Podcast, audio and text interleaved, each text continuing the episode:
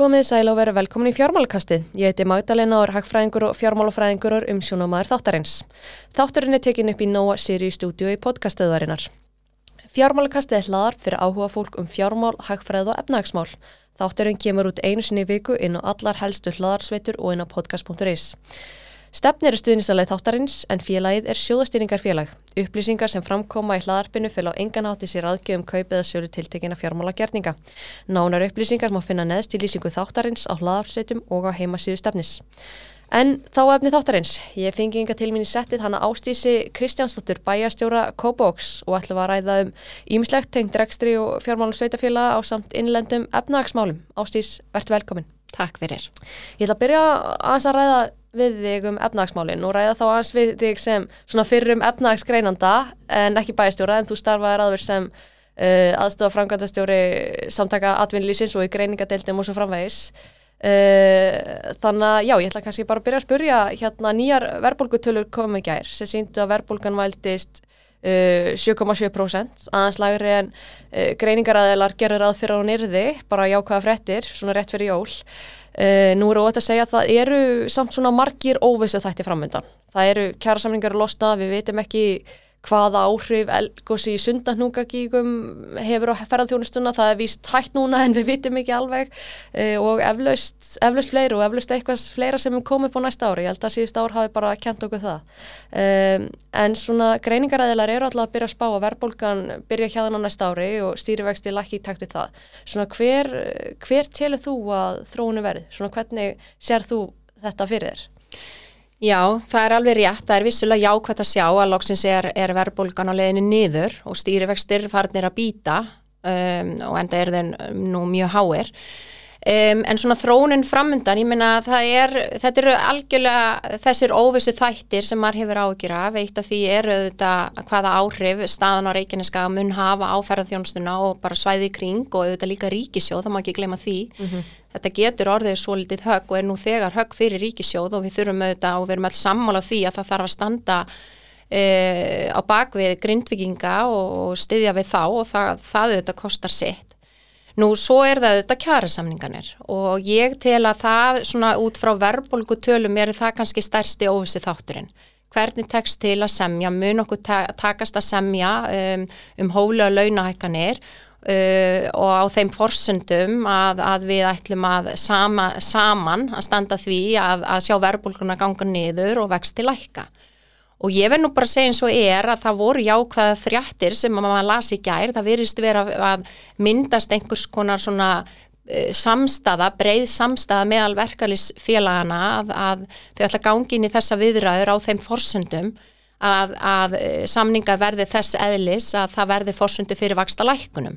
Uh -huh. Og þá hljótu við að sjá hóflegar, uh, hvað segir mér, hóflegar kröfur um launahækkanir vegna þess að, eh, að við vitum það þetta alveg hvaða áhrif það hefur ef að það verður gengið of langt, það verður, verður ef við sjáum hér launhækka langt umfram uh, framlýslu getu og getu fyrirtækja þá mun það auðvitað endur speklast í verðlæginu. Þannig að ég vil vera bjassin og vona að, að við munum sjá hér uh, skynsama kjærasamninga að vinnumarkaðurinn axli ábyrð og taki þátti því að, að berjast gegn þessari uh, stöðu þannig að við getum endurheimt verðstöðleika Nú ef það tekst til að þá getur maður alveg hugsa sér að verðbólka gangi hratt niður og við getum jafnvel séð stýrivexti hér, segjum það að verðbólka fari kannski niður í, niður í hvað maður að segja, svona uh, fari verulega hratt niður að þá getur alveg verið fórsendu fyrir uh, vaksta lækunum strax á næsta ári, jafnvel 300 púnta vakstalækun ef við sjáum verðbólkuna ganga hratt niður. Svona í, í eðlilega árferði myndi ég segja að 30% raunvaksta stig er bara uh, eðlilegt. Mm -hmm, mm -hmm. Þannig að, að vonandi munum við sjá uh, uh, skinsama lendingu þarna þannig að, að það verði fórsendur fyrir vaksta lækunum. Mm -hmm. Hvað finnst þið svona um að krafan sé krónutöluhækkanir? Og muni vera eins og lífsgerra samninganir? Já, það, eh, krónutöluhækkanir er í raun bara þá er það ákallum að hækka e, eh, lægstu laun og Já. þá hlutvarslega eru lægstu laun að hækka e, umfram e, aðra tekju hópa. Það er það sem við höfum verið að sjá á, mm á í, í síðustu kjærasamningum, ekki bara síðustu kjærasamning, eða síðustu kjærasamningslótu heldur bara e, síðustu ár, ég minna þetta var 2015, 2018 og svo síðast, þannig að, að e, við verðum bara, ég held að það skipti öllu máli hvert rýmið er, hvað, e, þó að ef það er farið í króndulækanir, e, hver er þá, þú veist, hvað er verið óskeftir, hversu miklar hækkanir er þetta, en það er mikilvægt þó að hafa í huga að ef að verður farið í, í í króndulhækkanir að þá erum við að hækka lægstendan en, en mið, mið, þeir sem eru þarna í millistíunu eða efstaþrepinu eru þá ekki að hækka eins mikið og þá eru þetta jöfnurinn að aukast ennfrekar mm. uh, og teki jöfnur er mjög mikill á Íslandi. Einmitt. Það hefur sannanlega tekist á síðustu árum og áratugum í raun bara að auka jöfnuð á Íslandi.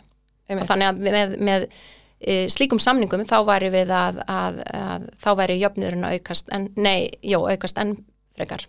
Einmitt það sem ég er að segja er að þú veist eins og BHM til dæmis eru þau að fara að sætta sig við krónutulhækanar aftur eins og var í lífskjársamningnum og eins og þú segir á undan og svo framvegi sko, svona hvernig telur að myndi spreið sátt um, um það eða svona hvernig telur þú að þetta verði? Ég til það óleiklegt og ekki já. bara BHM auðvitað, og, og, fleiri, stíga, og fleiri Já, já. Vaffer og, og það eru auðvitað ákveðin hópur þannig sem hefur ekki fengið e, hérna e, mikla launahækkanir á, á undanförnum árum eða hafa verið þessar krónutölu hækkanir e, en við verum bara að býða og sjá það sem ég held að við þurfum að horfa til er e, hérna hvernig verðmættasköpunin er að þróast og það sem mér fannst kannski skinsamlegt með lífskjærsamningana var að við vorum að tengja launathróun við verga landsframisla mann sem er ekkit annað en svona e, mælikvarði á framleiðinni mm -hmm. og það er það sem ég myndi vilja sjá meira núna að, mm -hmm. að við værum að horfa til þess ef vel gengur í afnarslífinu þá verða e, munu launahækkanir fylgja því nú ef illa árar að þá er ekki hægt að hækka laun eins mikið og mm -hmm. það er kannski, þetta er svo leið sem við höfum séð að Norðurlöndin hafa farið og ég mhm. myndi vilja og ég er til skynsalegt að við, við horfum til þessa og, og vonandi getum við séð einhverja, einhverja slíka útfærslu. Ég mitt breyta kannski vinnumarkasmótalinu til að það sé pólitískur vilji fyrir því. Nú ertu komin í pólitíkina.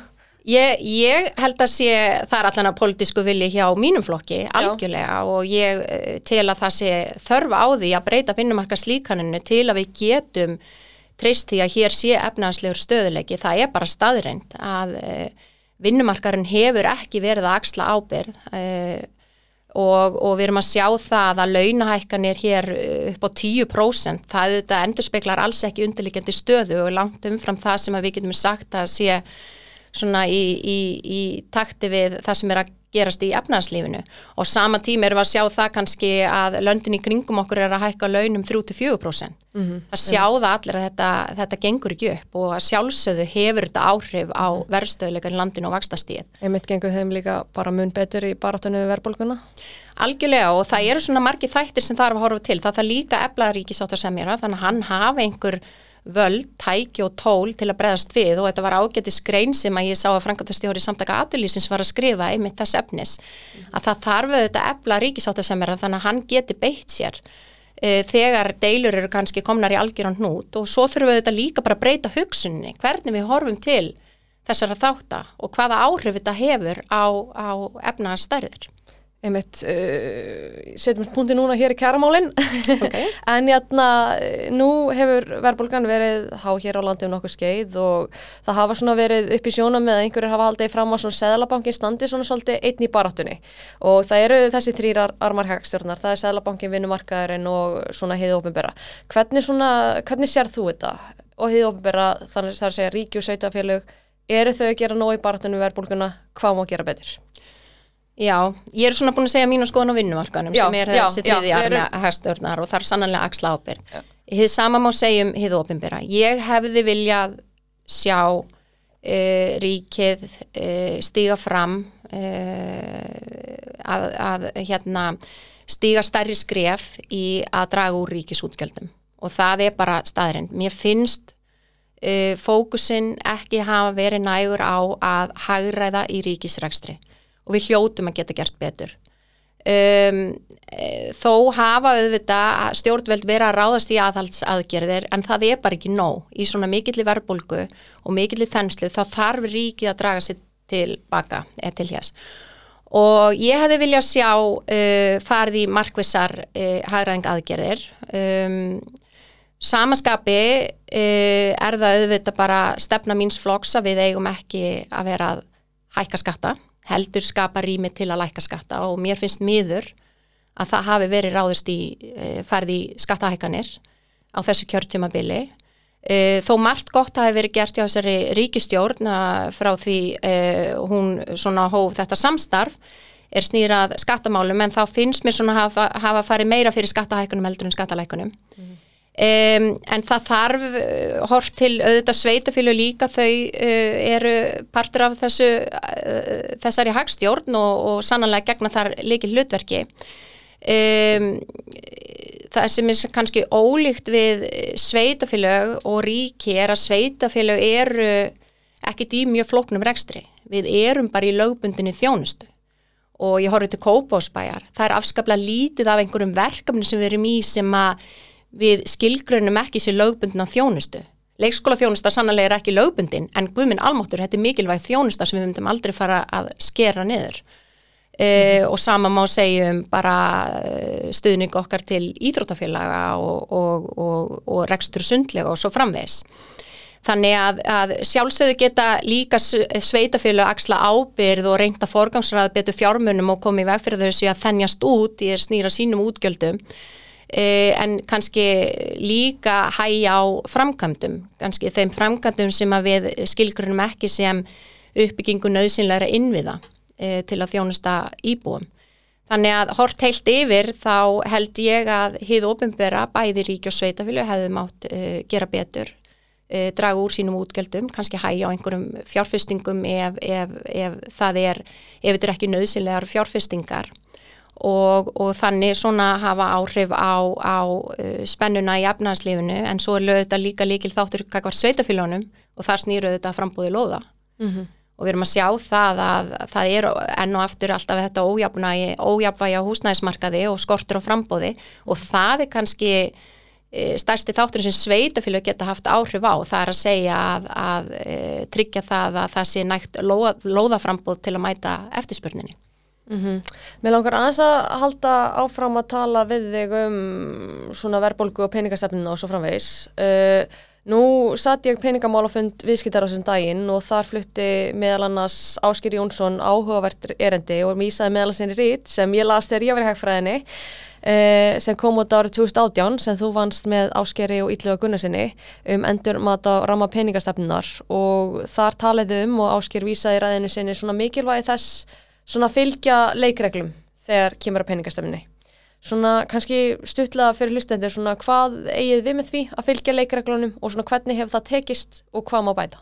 Já, um, það sem við erum að, hann er að vísa til þarna er uh, sá þáttur sem snýra mitt að þessum örmum hagstjórnar mm -hmm. að þeir sem að, að gegna leiki hlutverki í því í efnastjórninni er Sælabankin, vinnumarkaðurinn og hefur ofinbera og ef að þessi þrýra aðilar eru ekki að fylgja þeim leikreglum uh, sem við ætlumst til uh, að þá er, er við ekki að fara að ná að endurhemta eða ná að viðhalda efnahanslegum stöðuleika og það skiptir ekki máli hvers konar peningastefnu við erum að reyka eins og til dæmis ef við erum með verðbólgumarkmið, erum við með fastgengi, erum við í Evropasambandinu skiljur, það skiptir einhver máli.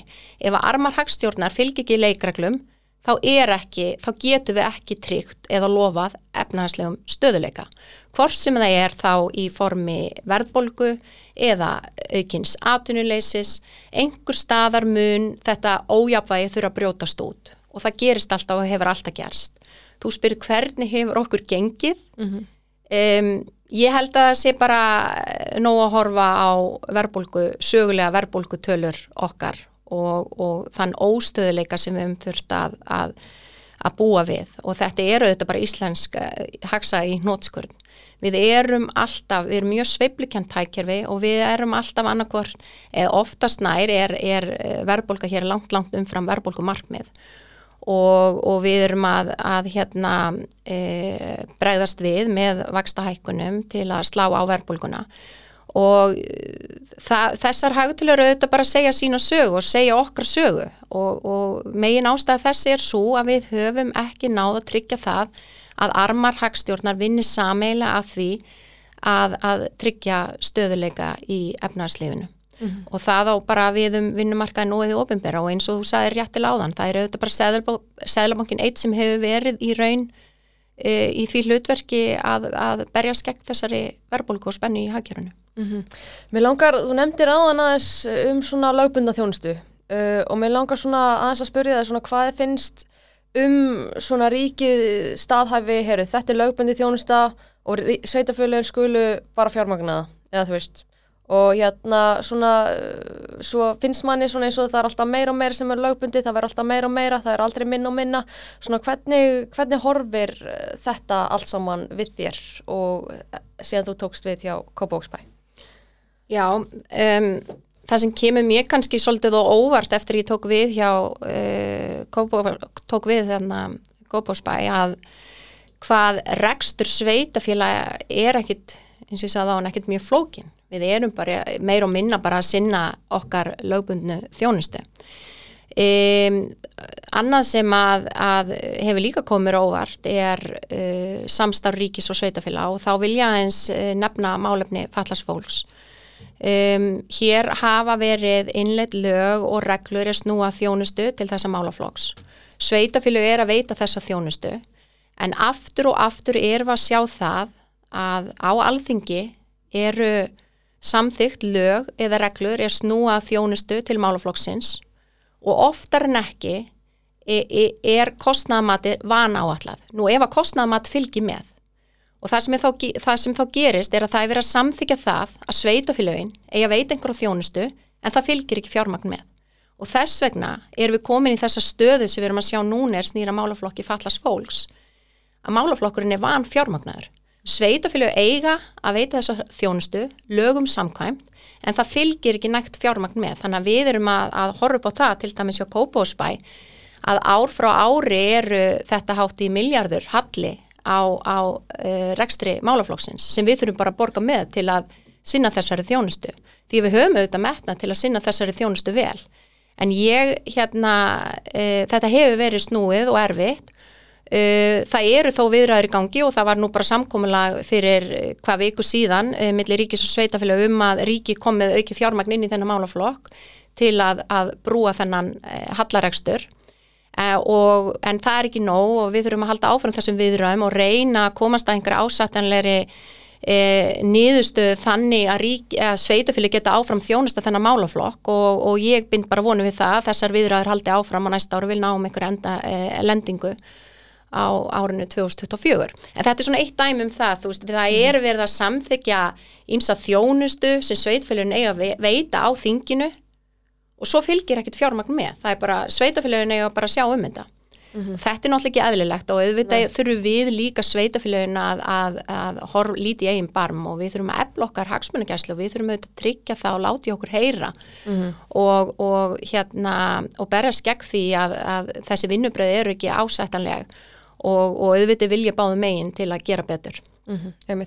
Mér langar aðeins að, já það er reglulega svona mikið rætt um svona fjárhag sveitafélagana og aðtiklinn oftast á Reykjavík. Og mér langar svolítið að spyrja þið sko, er of mikið að því að svona sveitafélag séu svona fara út fyrir sitt starfsvið og eigða svona fjármagni í eitthvað sem að þau svona eiga ekkit vera að sinna. Þú veist, ég get nefnt til dæmis bara á Reykjavík og borgar reyka heila mannrættindaskrifstofu eða eitthvað slíkt og já, það er kannski lægi ef allt annað er lægi og fjárhagunni toppi þá kannski má eigi ekki elverkarni eða það, fólk, fólki getur finnst það en fundist það segja ég en jæna, já, þá er ég í staðin fyrir að bara einblýna á grunnþjónustuna númer 1, 2 og 3 hafa leikskólamálinlægi, hafa allt í tipp-topp já, hvað finnst þér um að uh, sveitafélög séu ráðist í gælverkefni þegar grunnþjónustan og aðrir þættir eru ekki í lægi? Já, mér finnst það bara alls ekki í lægi og, og ég held að sveitafélög miða við svona hvernig ef við horfum bara út frá tekjuhliðinni, flest sveitafélög eru með útsvarið sitt í botni þannig að það er lítið og flest sveitafélög eru rétt svo annarkort réttum meginn við nullið eða bara í hallaræstri og það eitt og sér segir manni bara það við höfum ekkert efna á því að vera í einhverjum gæluverkefnum. Og ég get ekki síða Reykjavíkuborg hafi efna á því heldur að vera í, í einhverjum gæluverkumnum eða stopna nýjar deildir þegar það er gríðalegur hallaregstur e, hjá Reykjavíkuborg og hefur verið ár frá ári sem hefur reynda verið að brúa með, með, með því að annarkvort e, með virðismatshækkunum félagsbústaða mm -hmm. eða að argrisli komið frá orkuveitinu og nú nýjasta nýtt er það, er það faksaflóahafnir mm -hmm. um, til að brúa hallaregsturinn en þannig að ég til dæmis hef lagt mjög miklu áherslu á það hjá GoPoSpy að við erum ekki að fara að stopna til nýra útgjaldar mm -hmm. sem að eru ekki endilega lögbundin og eru ekki að fara að veita eða hvað er að segja bæta þjónustu til kópásbúa og við höfum bara gefn á því og það nægir mm. bara að horfa á rekstur kópásbæir þetta er þó svo að e, við höfum svo sannarlega staði vörðum góðan rekstur og við erum að skapa rými til að lækka álögur eins og til dæmis e, fastegnaskattslækkanir sem við um, gerðum í fyrr eða við Við lækkuðum fastegnarskattanir fyrra og erum að lækka þá aftur, uh, fyrirgefið við lækkuðum fastegnarsskatt á þessu ári og erum að lækka þá aftur næsta ári. En þá er samt ákoman bara rétt svo réttum megin við nullið. Þannig að við höfum ekki defna því að fara í einhver svona gæluverkumni mm -hmm. og það er svo mikilvægt að, að standa vörð um það að sinna þeirri þjónusti sem okkur ber skilda að sinna og gera hana vel og þetta snýra lögbundinu þjónustu, þetta snýra leikskóla þjónustu, þetta snýra snjómokstri og svo framvegs. Þetta er það sem bæjabúar er að kalla eftir. Þau vilja fá lágar álegur og þau vilja fá góða þjónustu. Mm -hmm. Hafið þið skoðað að lækka útsvarið? Já, við, við skoðum það auðvita í hverju sinni en mm.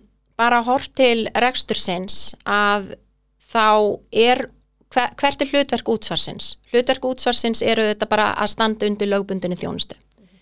Við erum ekki með útsvarið okkar í hámarki, við erum þarna rétt fyrir neðan, það munar nú ekki miklu en þó við hefum ekkert verið að mm -hmm. e, breyta útsvarinu, það hefur bara verið óbreytt í, um mm -hmm. þó nokkuð tíma. E, þannig að eins og sakir standa þá met ég sem svo að það sé ekki rými til að læka útsvarið og meðan við erum að sjá það að reksturinn er svo rétt svo réttum einn við nullið mm -hmm. Um, en hins vegar höfu frekar einblind á það að læka fastegnaskatta mm -hmm. til að koma í veg fyrir það að hækkun fastegnavers mm -hmm. muni leiða til þess að skattbyrði aukist á bæjabúa. Mm -hmm. Þannig að við höfum sett það sem forgangsmál hjá okkur að læka fremur fastegnaskattana og ástæðan fyrir því að, að við gerum það er vegna þess að við heyrðum það svo stert í kostningabarátunni að það eru fastegna gjöldin sem heimili er að horfa til þeim finnst e, þetta eru auðvitað gjöld sem þau greiða í hverja mánuði, e, um hvern mánuð og þetta eru, þetta eru hágjöld og þau, það var ákall þess efnis að lækka fastegna gjöldin og þess vegna höfum við lagt ríka áherslu á það að lækka fremur fastegnaskattana heldur en að fara í, í, í lítilsáttar útsvarslækun vegna þess að við gætum aldrei eins og sakir standa farið í, í stórgóðslega útsvarsskattslækun eins og sakir standa. En þetta er auðvitað líka bara, við þurfum auðvitað bara að standa vörð um það að við séum með tekjur til að veita lögbundnan þjónustu mm -hmm. og auðvitað líka að, að við viljum ekki að, að það sé hallaregstur -hmm. vegna þess að þá erum við auðvitað bara að sapna í skuldir og, og, og eins og sækir standa þá held ég að þetta sé svona við séum á ágættum stað. Við erum með skuldastaða kópásbæjar er sjálfbær, skulda hlutvettinu er langt, langt undir skulda viðmiðum eða skulda þakinu þar að segja og, og við erum að áætla það að, að reksturinn verði réttum megin við nullið og samt sem áður eru við að læka fastingna skattana. Mhm. Þið gerðu nýla breytingar á leikskólakerfinu. Getur svona aðs farið yfir þær breytingar og svona hvað þær hafa svona haft með í förmið sér? Já, algjörlega. Hérna, ég vil fyrst aðeins útskýra ákkur við fórum í þessar breytingar og þetta er eitt af því sem að fyrsta árið sem bæjarstjóri lagði ég áherslu á það að heimsækja sem flesta leikskóla vegna þess að þegar e, ég, ég fann það einmitt svo stert í kostningabarutunni að, að hvað vilja fóruldrar? Þau vilja fá góða leikskóla þjónustu og þau vilja að börni síns fá í leikskóla plás. E, það sem hefur verið hins vegar, við hefum verið að sjá hér, bara ekki bara í Kópavogi, ég heldur bara nælega til sveitafélögum, eða við er bara djúbstæður vandi, er snýra starfsumkörri leikskóla. E, mikil mannekla, mikil álag og mikil veikindi. Og ég þess vegna fór, markvist bara á heimsætti, heimsótti mjög marga leikskóla, flesta, já eftir að heimsækja nokkra, en ég er allavega búin að heimsækja flesta leikskóla í Kópavogi og það var svo sláand að heyra að hvort sem ég talaði við stjórnanda eða starfsfólk, allir sögðu það sama. Það er allt og mikið álag, dvalatími batna er of langur og þetta er bara ekki starfsumhverfi sem einhver vill starfa í. Svo í svona miklu álagi þá fer fólki, dættu fólki í veikindaleifi og það setur ennfrekari álag á þá sem fyrir eru og þá fyrir einhver snjóbolt af stað. Um, og þannig að við settum á lagina starfsóp sem fór að hafi það hlutverk að komi tillögur þess efni sem myndi þá bæta þetta starfsöngur og, og í stuttumálum á segja, það sem við gerðum er að við e, breytum fyrirkomlæginu þannig að fyrstu 6 klukkustundunir eru gjaldfrjálsir og svo eftir það e, er gjaldskráin stighækandi og við hækkuðum gjaldskrána á þessa síðustu klukkutíma e, þó þannig að áfram er sveitafélagið að niðugreða leikskólagjöld um 86%. Það er nefnilega ótrúlegt að horfa til þess og ég held að fæstir átti sig á því hvað sveitafélag eru að niðugreða mikið leikskóla þjónustuna mm -hmm. og þetta hefur bara fengið að viðgangast ár frá ári. Bara þetta er þróun sem hófst bara fyrir áratug síðan og við hefum séð þetta vera að hérna ár frá ári hefur niðugræslan alltaf orðið meir og meiri mm -hmm. og sama tíma hefur þjónustan orðið lagari um, það sem við erum að sjá núna er við ætlum að mæla, þetta er tilraun til einsás og við ætlum að gera reglulegar mælingar og byrtaður Og líka þá ánægi fóreldra með kerfið. Ánægi fóreldra, e, ánægi starfsfólks sem og líka hvað áhrif þetta hefur á dvalatíma barna og, mm -hmm. og veikindi starfsfólks og auðvitað ráðningar. Um, vi, og við erum núna að mæla e, viðhórskannun akkvart e, fóreldrum og mm. vonandi byrstu við það bara fljótlega eftir jól. En það sem við hefum síðan núna er að dvalatími barna fór strax úr sagt, skrapp saman eða, eða stittist um klukkustund. Mm. Um, ála er, minna. Uh, okkur gengur mun betur að ráðin starfsfólk. Og sem dæmi er gaman að segja frá því að í Efribyðum Kópavóks er eitt leikskóli uh, þar sem við hefum ekki náða manna heila deild í sex ár.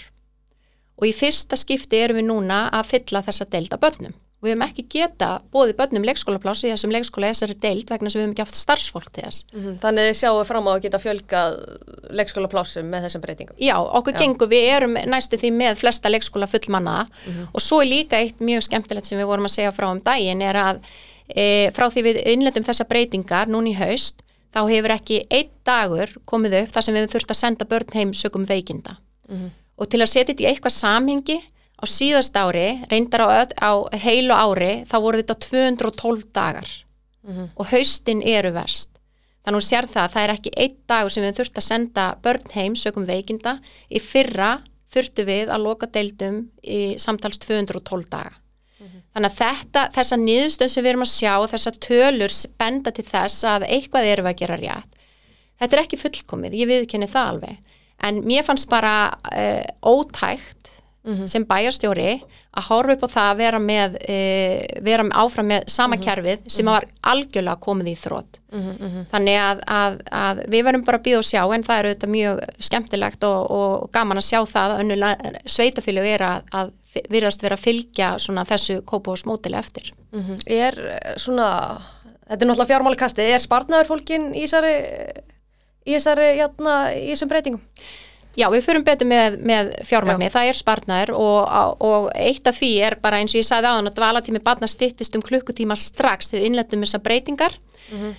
um, það, er, ás, er það, ekki, það er sex tímar á dag gjaldfrálsir?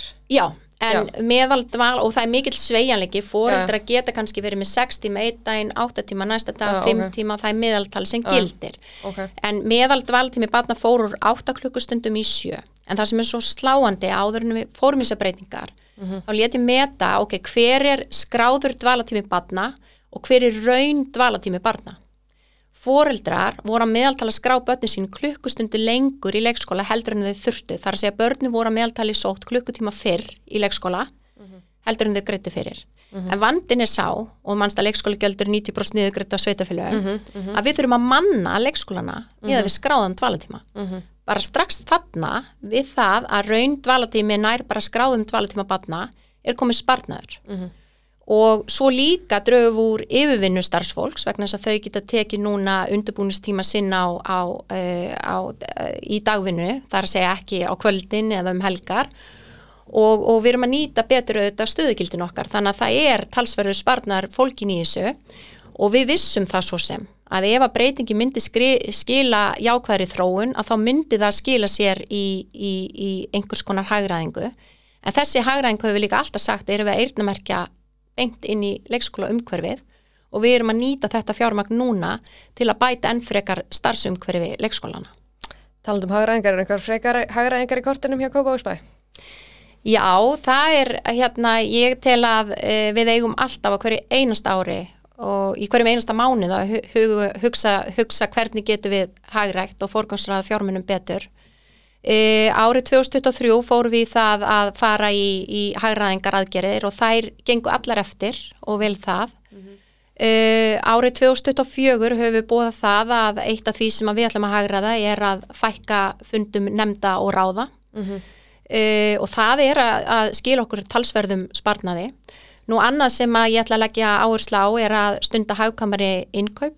Ég sé það að við getum uh, farið betur með fjármagn bæjarins í formi innkaupa eða að segja hvernig við uh, kaupum inn í, í vöru og þjónustu og, og eitt af því sem uh, við viljum e, og erum bara að skoða alvarlega er að setja að lagina vefverslun. Þannig að stjórnendu bæjarins að þeir munu versla sínar vörur og þjónust inn í vefverslunni. Og þannig tryggjum við líka, við erum alltaf að kaupa e, vörur á hafkamasta verðinu. Og setjum svona ákveðin líka pressa á byrkja þannig að þeir, að, að, þeir sem eru með lægstu verðin fá kannski e, hérna flest, eða er flestir sem kaupa honum. En þetta er eitt af því sem við ætlum að gera og svo líka bara að, að er við auðvitað hverjum tíma bara að tryggja það, við erum að fylgja fjármagnir betur eftir og hvernig getur við e, já, nýtt eh, fjármagn bæjar búa betur. Mm -hmm. Mér langar aðeins að svona í lokin að beina sjónum mínum að fastegnamarkanum. Nú blasir við að það er svona mikill frambóðskortur og HMS metur að það þurfa að byggja ef maður rétt 5.000 íbúður ári til að ná upp skortinum og annað eftirspurn og svo framvegs uh, ég hef heyrt að það séu já, eiginlega bara engar lóði til í Kópavói Kópavói hefur í gegnum árin verið djúlur og útlita lóðunum en það er eiginlega engar til. Uh, er eitthvað sem Kópavói getur gert til að leggja að mörgum og hvað þá og er það á stefnisgráni? Já, það er nú hérna, við erum að fara útlita nýju hverfi í efribyðum Kópavóks núna bara strax á næsta ári janúar, janúar eða februar og erum undirbúað það. E, þetta eru einhverjar, hvað var þetta, 500 íbúður e, e, sem er þarna í, í, og heitir Vassendakvarf. Það er nýtt hverju hjá okkur en svo eru við fyrst og fremst í þjættingaverkefnum mm -hmm. og einmitt eins og þú segir við eigum lítið að lóðum innan vakstamarka. Það er hins vegar öðru sem við horfum utan utan vakstamarka en, en hérna þannig að svo eru bara áhugaverð þjættingaverkefni framundan en þau taka sannanlega tíma uh, og eru kostnæðsum um, en, en við bara höldum áfram með þau og það er aðalega í næðri byðin Kópós, Kásnesið, Miðbærin og svo auðvitað eigum við líka eftir að skipilegja glaðheimasvæðið sem er þannig rétt hjá smárlendinni það er deiliskeipila tilbúið þar og við gætum svo sem fari bara í að útluta en Hins vegar höfum við svona sett þá vinnu aðeins e, á hold ef við má aðeins letta mm -hmm. vegna þess að við viljum og, og bara sjáum ekki annað í stöðunni en að reykjanisbröðin verði sett í stokk í náni framtíð og það skapar bara betra samfélag og tengir betur svæðin saman.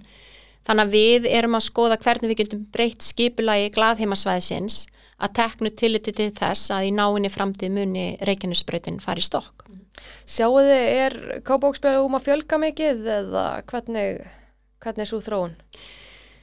Já, um, bara í takti við uh, auðvitað frambóðið mm -hmm. sem er framöndan. Uh, okkur mun fjölga, jú, sannanlega, en ekki eins mikið kannski eins og Garðabæri eða Mosulsbæri sem eru auðvitað í gríðalegri uppbyggingu og eiga uh, fleiri lóðir og meira landheldur en við til að, að byggja upp.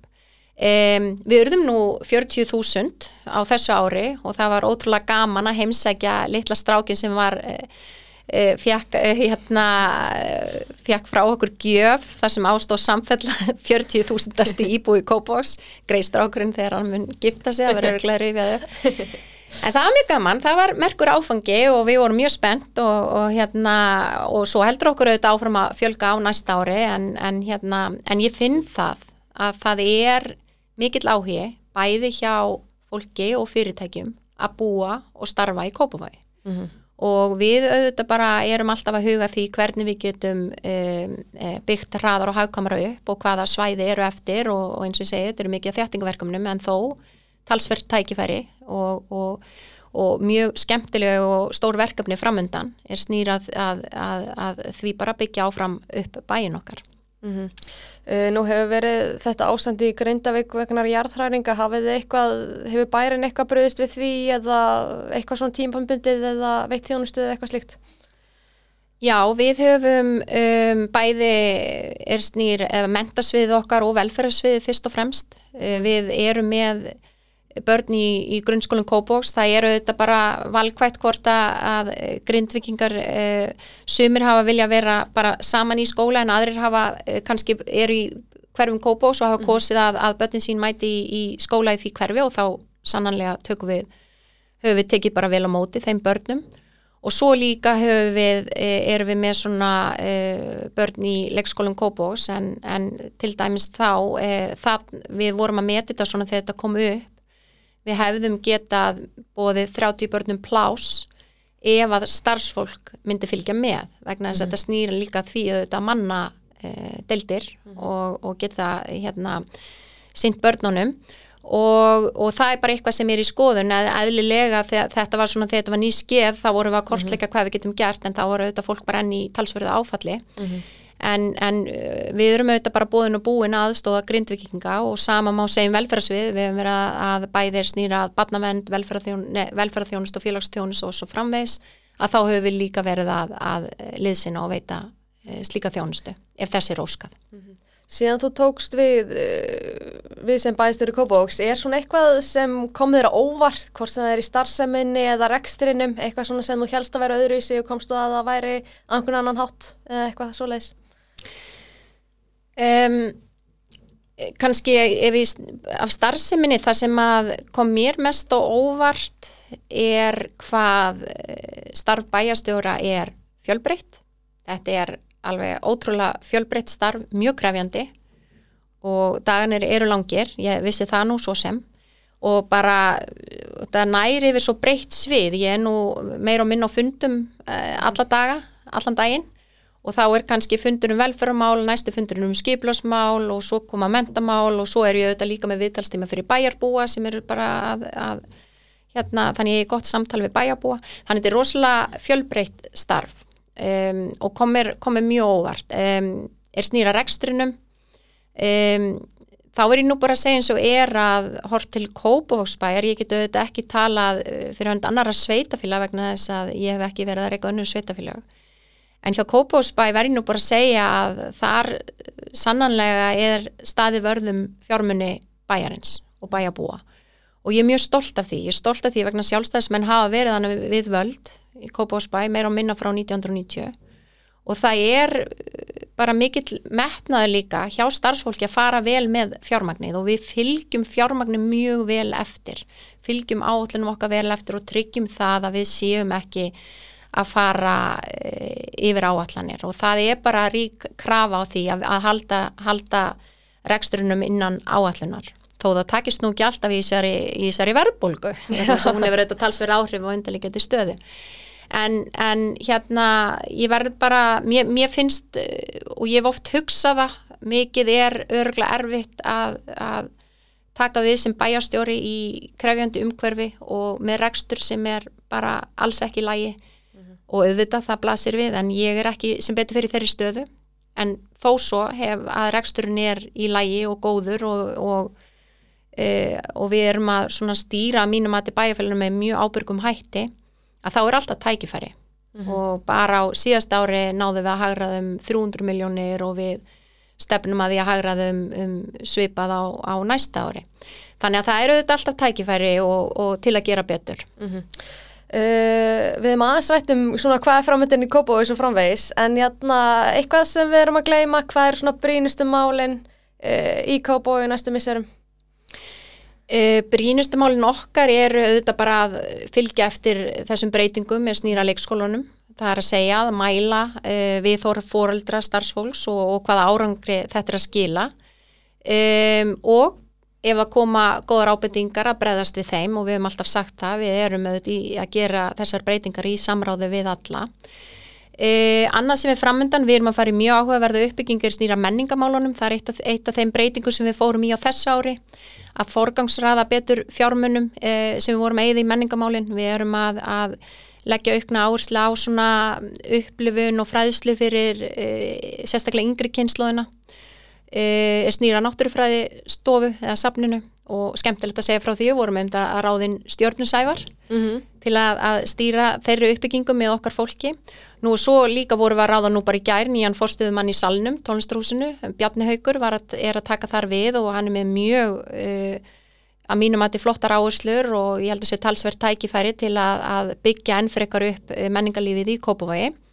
Nú svo þetta líka ætlum við bara halda áfram að skipulegja góð hverfi og, og hérna e, þannig að við getum mætt e, þörfum bæjarbúa og þeirra sem vilja búa og, og í Kópavogi og sem og líka auðvitað að, að byggja upp e, fjölbreytt atunlíf. Um, það er bara ótrúlega spennandi hlutir framöndan og ég sé til dæmis ég vil nefna eins Kársnesi sem dæmi, nú er fosfósbrúin að fara að koma þarna sem mun vera mjög Uh, mikilvæg, þetta er mikilvæg búbót ekki bara fyrir kásnisbúa heldur fyrir kópósbúa vegna þess að þannig erum við að tengja kópóvóg nær viðbæri Reykjavíkur Mm -hmm.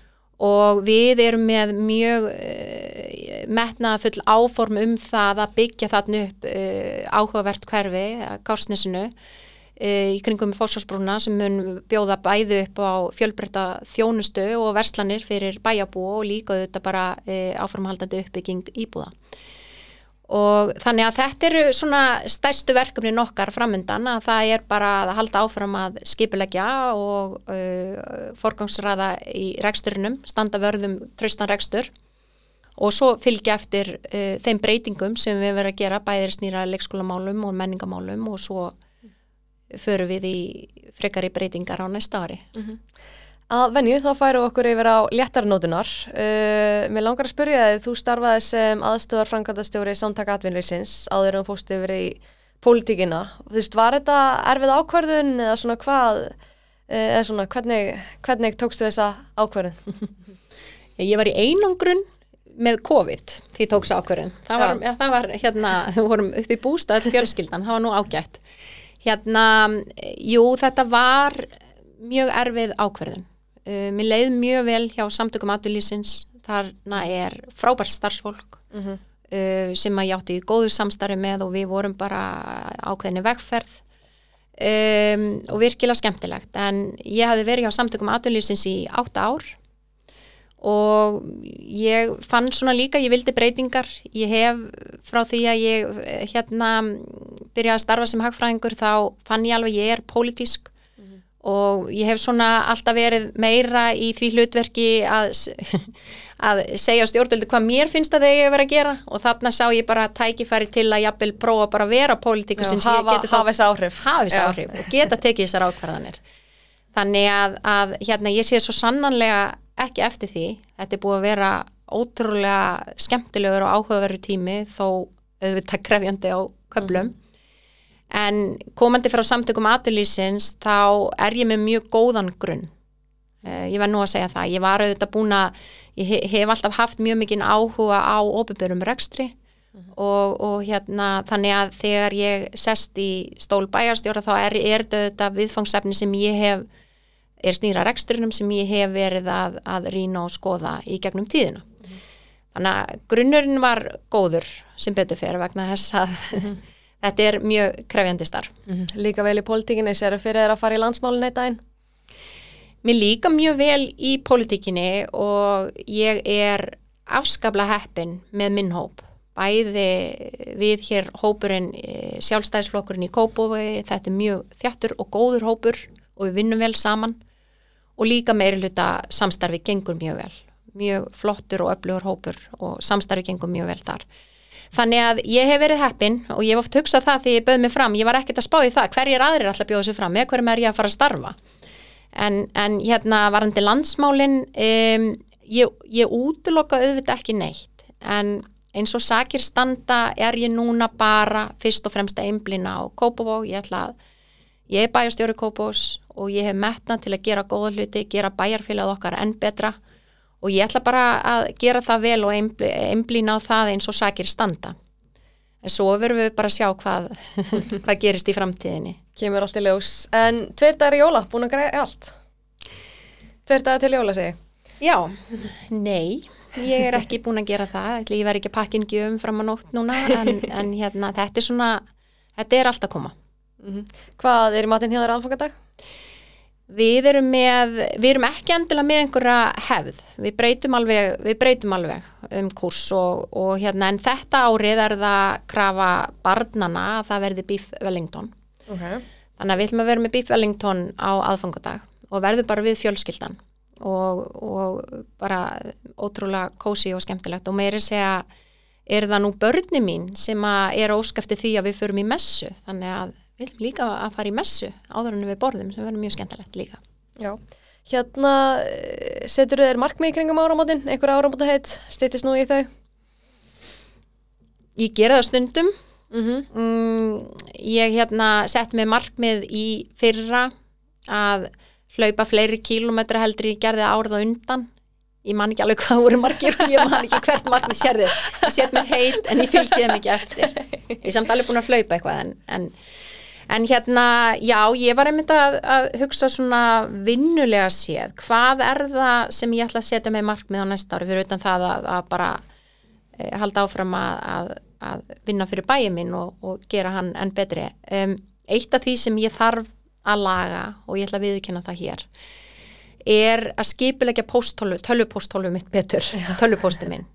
Ég á það til að ég fæ mjög mikið af tölvupóstum og ég á það til stundum að, að gleyma svara og mér finnst það miður, ég verða að forgangsraða betur og, og endur skip, eða skipilegja betur tölvupósti minn þannig að, að, að ég hérna E, þannig að engir tölupósta fara uh, fram hjá mér og ég, ég ætla að setja mig það markmið núna og ég, ég held ég viti hvernig ég ætla að gera þetta Kemur á ári í þáttinn og við förum yfir hvernig það gekk. og ég er búin að svara öllum tölupóstum En hérna, eins sem kemur alltaf og fólki finnst oft bara snúnasta spurning þáttarins eða þetta er að mæla með einni bók fyrir hlustundu fjármálikassins hvaða bók væri það.